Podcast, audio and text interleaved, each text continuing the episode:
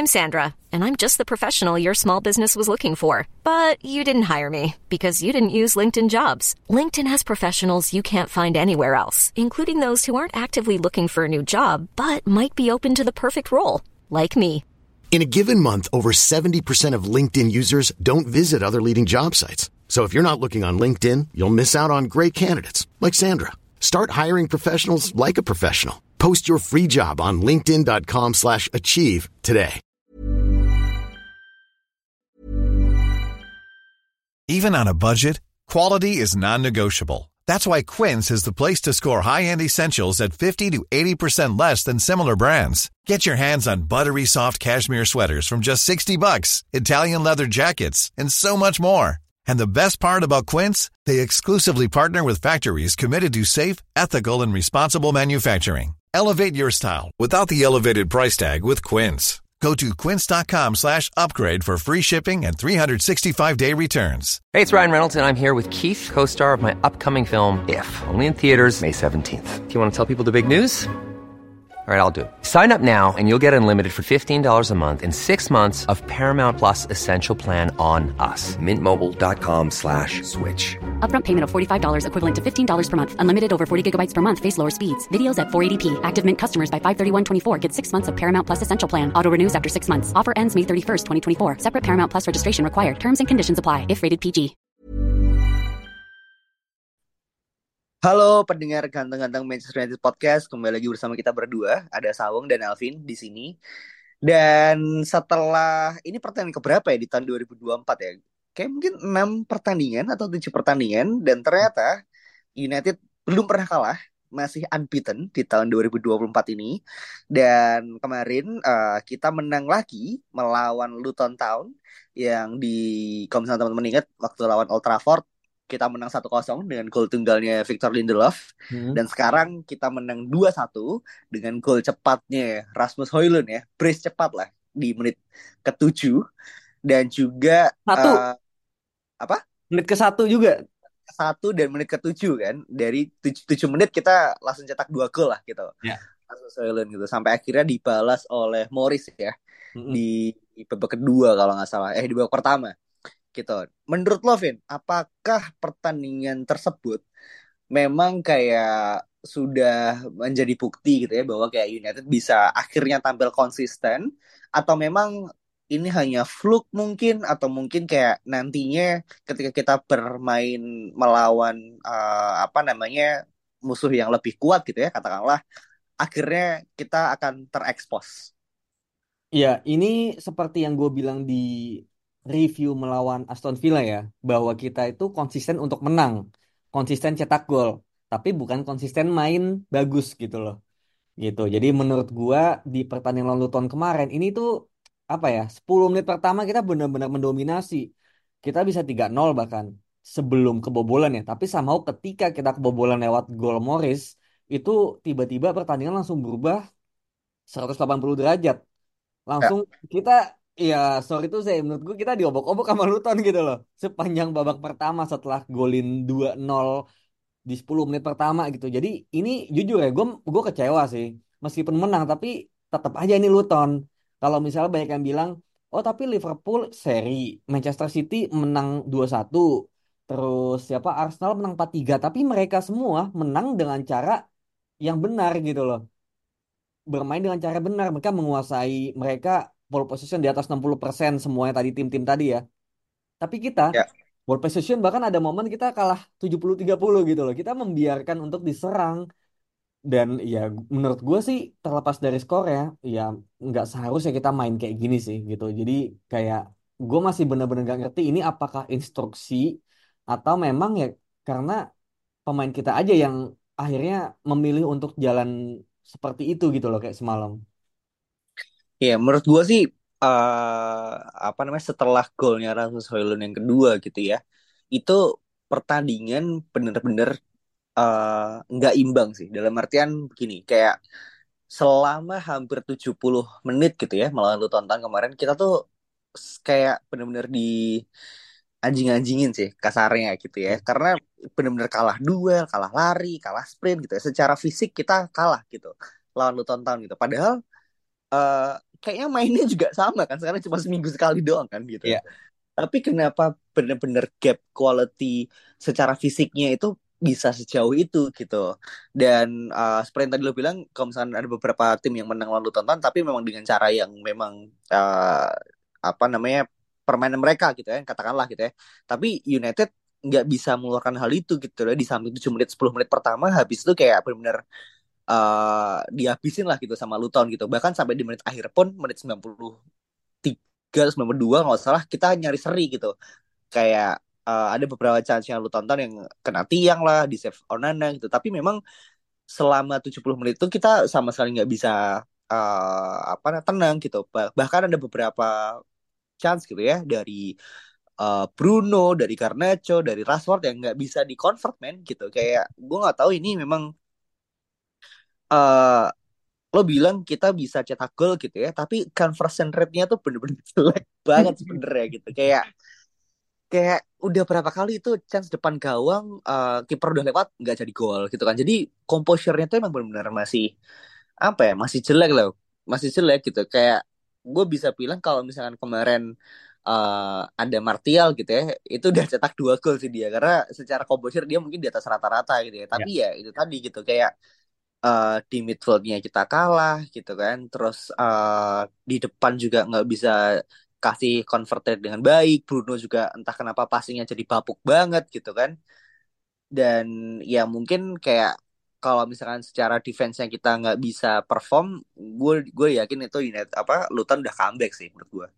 Hmm, hmm, iya iya dan ya memang seperti yang gue bilang juga kayak ini juga banyak faktor di mana di match-match biasanya di paruh musim pertama ini kita match kayak gini kita kalah gitu loh. Ya. Gitu. Cuma memang di match ini gitu di match uh, Luton, Aston Villa, Wolves kita somehow bisa konversi lebih baik gitu loh. Konversi kita lebih baik meskipun masih jelek ya kayak Garnacho, Dalot juga udah one on one sama kiper kan. Dia mau ngelewatin tapi bolanya nggak nggak kesenggol gitu kan. Gitu. Ya. Jadi banyak banget peluang-peluang yang kita miss tapi somehow kita masih bisa curi dua gol. Kalau di paruh musim awal mungkin kita dengan skema permainan yang sama kayak gini tapi kita cuma bisa golin satu atau kita malah nggak bisa golin sama sekali gitu. Kayak lawan Peles kita di home kalah 1-0 coba kayak gitu-gitu kan. Kayak kita nggak berkutik sama sekali untuk cetak gol. Jadi ini tuh sebenarnya yang berubah adalah konversi kita um, lebih baik kemudian bertahan kita juga sedikit lebih baik dan dipengaruhi juga sama lawan yang memang lagi nggak bisa cetak gol juga gitu loh meskipun peluangnya banyak kemarin tuh shotnya sama-sama 20-an loh gitu. Shot Luton 20 something, shot kita juga 20 something itu nunjukin kayak anjir nih kayak main tenis aja gitu. Taktok, Ya. taktok, taktok gitu dan melelahkan men. Main bola kayak kemarin tuh melelahkan. Lu maju semua, kena counter lu mundur semua tuh capek. Kenapa nggak ada satu tim harusnya MU yang punya quality lebih bagus itu ya berusaha mengontrol pertandingan lebih baik gitu. Dan ini kan juga dibilang sama banyak pandit di luar gitu kayak MU ini benar-benar nggak bisa mengontrol pertandingan. Ini sangat disayangkan sih. I see, I see. Yan, uh, walaupun kita menang berkali-kali ya, tapi ya seperti lo bilang tadi kayak United masih belum bisa mengontrol pertandingan. Apart from kayak menang 3-0 lawan West Ham lah. Itu uh, pertandingan menurut gue secara awal sampai akhir United bisa mendominasi gitu ya. Tapi 4-3 lawan Wolves, 2-1 lawan Aston Villa, 2-1 lawan Luton itu ya nggak bisa uh, istirahat gitu. Sementara lo lihat tim-tim yang lain gitu ya, Arsenal dia menang 5-0 6-0 back to back aja. Jadi kayak gimana ya? Itu by the way ketika udah 2-0 menit ke-7 ya, gue mikir ini kayaknya uh, kesempatan kita buat menang 6-0 gitu. Ternyata Makanya. kita kesulitan anjir. tapi ya ya sudahlah gitu. Yang penting kita masih bisa raih tiga poin. Tiga, tiga poin penting lah uh, di Premier League musim ini. Dan cara kita dengan uh, Spurs itu lima poin sekarang tiga, ya? Tiga tiga. Poin uh, kita di empat empat uh, Spurs empat tujuh terus Aston Villa empat sembilan kalau nggak salah. Ya jadi jaraknya uh, poin untuk uh, top four gitu nah menurut lo sendiri seberapa besar chance kita bisa masuk top 4 pin dengan uh, hasil yang cukup konsisten ya. Hmm. Kalau masuk ke top 4 menurut gue sekarang sangat terbuka lebar ya. Apalagi Spurs juga masih lagi naik turun. Kemarin kalah 2-1 lawan Wolves juga. Jadi menurut gua sekarang kesempatan terbuka lebar. Apalagi kalau kita lihat di eh, match ke depan ya, itu kita jadwalnya tuh lumayan enak sebenarnya. Terlepas dari match lawan City ya, kita ada home lawan Fulham, home lawan Everton, home lawan Sheffield United. Nah, habis itu away Brentford, away Chelsea, home Liverpool gitu. Tapi di tiga pertandingan tadi ya, eh, selain dari City itu kita home semua dan ya menurut gua ini pertandingan yang harusnya wajib menang gitu. Apalagi kemarin kita tuh lebih banyak away kan, lawan Ya. Wolves, Luton, Aston Villa, tapi kita bisa menang meskipun kebobolan juga gitu. Jadi menurut gua terlepas dari match lawan City yang ini juga apa ya, ya bisa dibilang kita harus bisa mencuri poin lah kalau bisa. Tapi di luar itu yang pertandingan-pertandingan home harus disikat abis sih gitu. Apalagi kayaknya ada match di tengah-tengah itu ada match Tottenham lawan Aston Villa juga gitu. Jadi kalau kita bisa em, apa namanya memanfaatkan situasi itu, Villa drop, Spurs drop dan kita menang, itu menurut gua chance bakal lebih terbuka lagi. Jadi gue masih yakin sih bisa empat besar. Oke, dan salah satunya eh, ini juga disebabkan oleh performa Rasmus Højlund ya, Hmm. dengan sangat-sangat gacor ini. Menurut lo, eh, apakah ada andil Robin van Persie yang sedang magang di sana? Iya, ya pastinya secara psikologi ada lah ya gitu karena Oke, ya kan Van Persie pasti sangat dihormati. Kemudian dia juga katanya memberikan saran-saran ya either mungkin positioning atau ya gue nggak tahu apa ya gitu. Mungkin kalau Benny McCarthy cocoknya ke Rashford ya musim lalu dan sekarang udah udah hilang gitu magisnya. Jadi ketika ada Robin van Persie somehow lebih masuk gitu ke Højlund kita nggak tahu sih cuma ya itulah sejak sejak Van Persie masuk gitu kan somehow Højlund nggak berhenti cetak gol sampai sekarang terutama di Liga. Bahkan untuk gol-gol yang kayaknya em, di awal paruh musim awal itu ya biasanya gagal eh, pelong-pelong kayak gitu kan gitu. Tapi di sini dia lebih lagi percaya diri. Dan seperti yang gue bilang kemarin juga ketika memang dia karena udah mulai terbuka ini masih akan banyak gol lagi. Dan sekarang udah 13 gol di all competition ya kita target waktu itu 15 kan ini dapat ya. Gua naikin standar ke 20 juga kayaknya make sense aja sih gitu. Dapat nih 20 nih. 20 bisa bisa banget lah Oke, walaupun kayaknya pertandingan tinggal dikit ya kalau nggak salah. Eh sekarang tuh game week berapa ya? Gue agak, agak, agak game lupa. eh, 26 kayaknya Game week 26 kita masih sisa berarti 12 pertandingan lagi dan masih ada eh, FA Cup ya. ya Untuk mencapai 20 gol gua rasa itu eh, ambisius, sangat ambisius ya untuk Rasmus Højlund. Eh, karena dia kayaknya masih kurang dua gol lagi ya untuk dua atau tiga gol lagi untuk mencapai 15 gol gitu ya. Menurut gua mungkin torehan terbaik dia di musim ini ada di angka 18 gol sih gitu.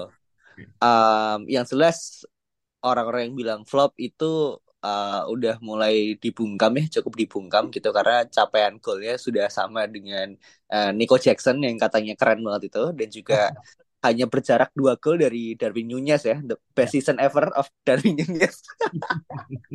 Jadi Iya. ya Rasmus Højlund di usia 21 tahun, pemain termuda yang mencetak 6 gol berturut-turut gitu ya di 6 pertandingan masih panjang lah gitu dan kayaknya Ten Hag bisa membuktikan bahwa pembelian Rasmus Højlund di musim panas ini itu adalah keputusan yang tepat sih gitu. Hmm, iya ya, ya gue setuju lah. Kayak kan kita di awal musim juga sebenarnya mengkritisi harganya ya, yang sangat-sangat Ya, mahal dan dengan harga segitu sebenarnya kita deserve untuk dapat penyerang yang udah jauh lebih matang gitu.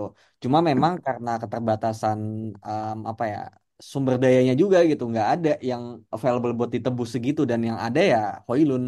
Dan kita juga sepakat bahwa ini kita beli investasi gitu kan, bukan yang memang langsung jadi. Jadi memang kita harus bersa- be- apa ya fans harus bersabar bahwa ini bakal proses panjang, bakal ada momen-momen dia akan adaptasi dan bakal sulit dan gue mah selalu selalu apa ya, selalu sabar lah ya gitu. Bahkan meskipun di awal-awal musim gak cetak gol, gue juga gue bilang ya gue nggak apa-apa gitu loh. Tenang aja, nanti bakal ada momennya sendiri gitu loh. Jadi ya buat buat yang mengkritisi di sana sih mengkritisi nggak apa-apa ya. Cuma apa ya menurut gue tuh nggak semuanya tuh sebenarnya linear dengan harganya gitu. Karena harga kan yang lakuin klub anak klub sama klub kan, bukan pemainnya kan. Gitu. Dan harga ini kan bukan harga asli value dari pemain itu gitu loh, tapi memang dari tawar menawar, dari hukum jual beli gitu loh. ya. gitu jadi menurut gue kayak ya udah ini mah memang dia korban aja gitu loh kalau Maguire mah itu kan karena kebodohan MU kan yang memang beli segitu gitu sih dan kalau bisa sabar menunggu Martial sih harusnya bisa sabar ya menunggu Rasmus Højlund ya. Tapi tadi uh, apa lo mention soal jual beli soal kebodohan beli uh, Maguire di angka 80 juta terus mungkin kita juga bisa dibilang ya mungkin sedikit overpaid lah dengan Rasmus Højlund gitu kan. Dan di momen ketika kita take ini uh, Newcastle sudah confirm dan Ashworth menjalani periode garden leave ya. Karena dia sudah uh, bilang bahwa dia akan menerima tawaran United dan dia juga udah bilang ke Newcastle bahwa dia akan cabut.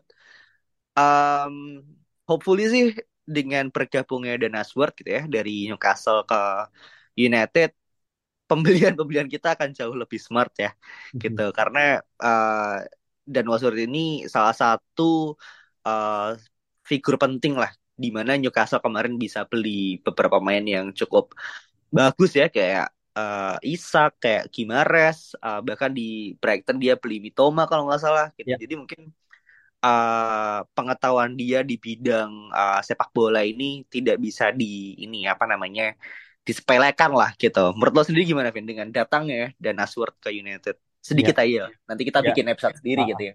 Ya, sebenarnya belum resmi ya karena kita masih ya. harus nebus 20 juta lebih katanya gitu kalau mau mempercepat um, apa kedatangan dan Ashworth gitu kan. Cuma satu hal yang pasti adalah ya gue suka dengan manuvernya bahkan gue lebih suka pembelian-pembelian manajem top manajemen ini daripada pemain gitu loh. Karena kita hmm. udah sajikan 10 tahun kita beli pemain bagus tapi nyatanya nggak ada impact apa-apa gitu loh. Karena memang hmm. masalahnya bukan di pemain gitu, tapi lebih ke kita beli pemain yang salah, overprice dan lain-lain gitu. Jadi memang dibutuhkan um, manajemen yang tepat dulu gitu. Dan sekarang benar-benar dirombak semuanya dari mulai CEO, dari mulai nanti katanya mau mau ada deputi CEO-nya gitu loh kita nggak pernah ada kan posisi deputi CEO kan gitu loh gitu. Ada CEO si Ed Woodward doang sama Arnold gitu. Kemudian ada sporting director tadinya kita dari Ordel kan tapi sekarang kita ambil dari luar. Kemudian nantinya mau ada spesialis rekrutmen juga yang ditunjuk langsung sama uh, sporting directornya gitu. Jadi bakal banyak orang-orang yang memang punya kualitas yang dimasukkan ke MU gitu loh. Jadinya kemungkinan untuk beli pemain overprice, pemain yang salah gitu, itu harusnya lebih uh, tereduksi sih, lebih berkurang lagi gitu. Nah, itulah sedikit dari uh, apa namanya update gitu ya tentang kembalinya United. Kita sudah mulai menunjukkan konsistensi gitu ya di atas lapangan, tapi di luar lapangan pun juga perbaikan-perbaikan itu sudah dimulai dijalani gitu ya dengan uh, kita bisa bilang bahwa Sir Jim Ratcliffe gitu kan dengan Ineosnya sudah melakukan mungkin 100 kali lipat lebih banyak dibandingkan Blazers lah gitu dan ini mungkin walaupun dia cuma punya stake 25% cuman ini sesuatu yang mungkin bagi fans United adalah uh, hal yang wajib disyukuri sih gitu. Ya. Oke, okay, thank you so much semuanya yang udah dengerin. Uh, kalau misalnya ada saran ataupun ada kritik atau mungkin ada hal-hal yang ingin kita bahas gitu ya, uh, bisa mention di @kikmu podcast di Twitter dan mungkin uh, mungkin ini sedikit bocoran juga mungkin nantinya kita uh, ada kemungkinan ya Vin ya mungkin bisa bermain atau mungkin sedikit explore lah gitu selain di Spotify tapi ya tunggu aja lah kabar ya oke sampai ketemu di episode selanjutnya. Bye bye Hey, it's Paige DeSorbo from Giggly Squad. High quality fashion without the price tag. Say hello to Quince. I'm snagging high-end essentials like cozy cashmere sweaters, sleek leather jackets, fine jewelry, and so much more. With Quince being 50 to 80% less than similar brands.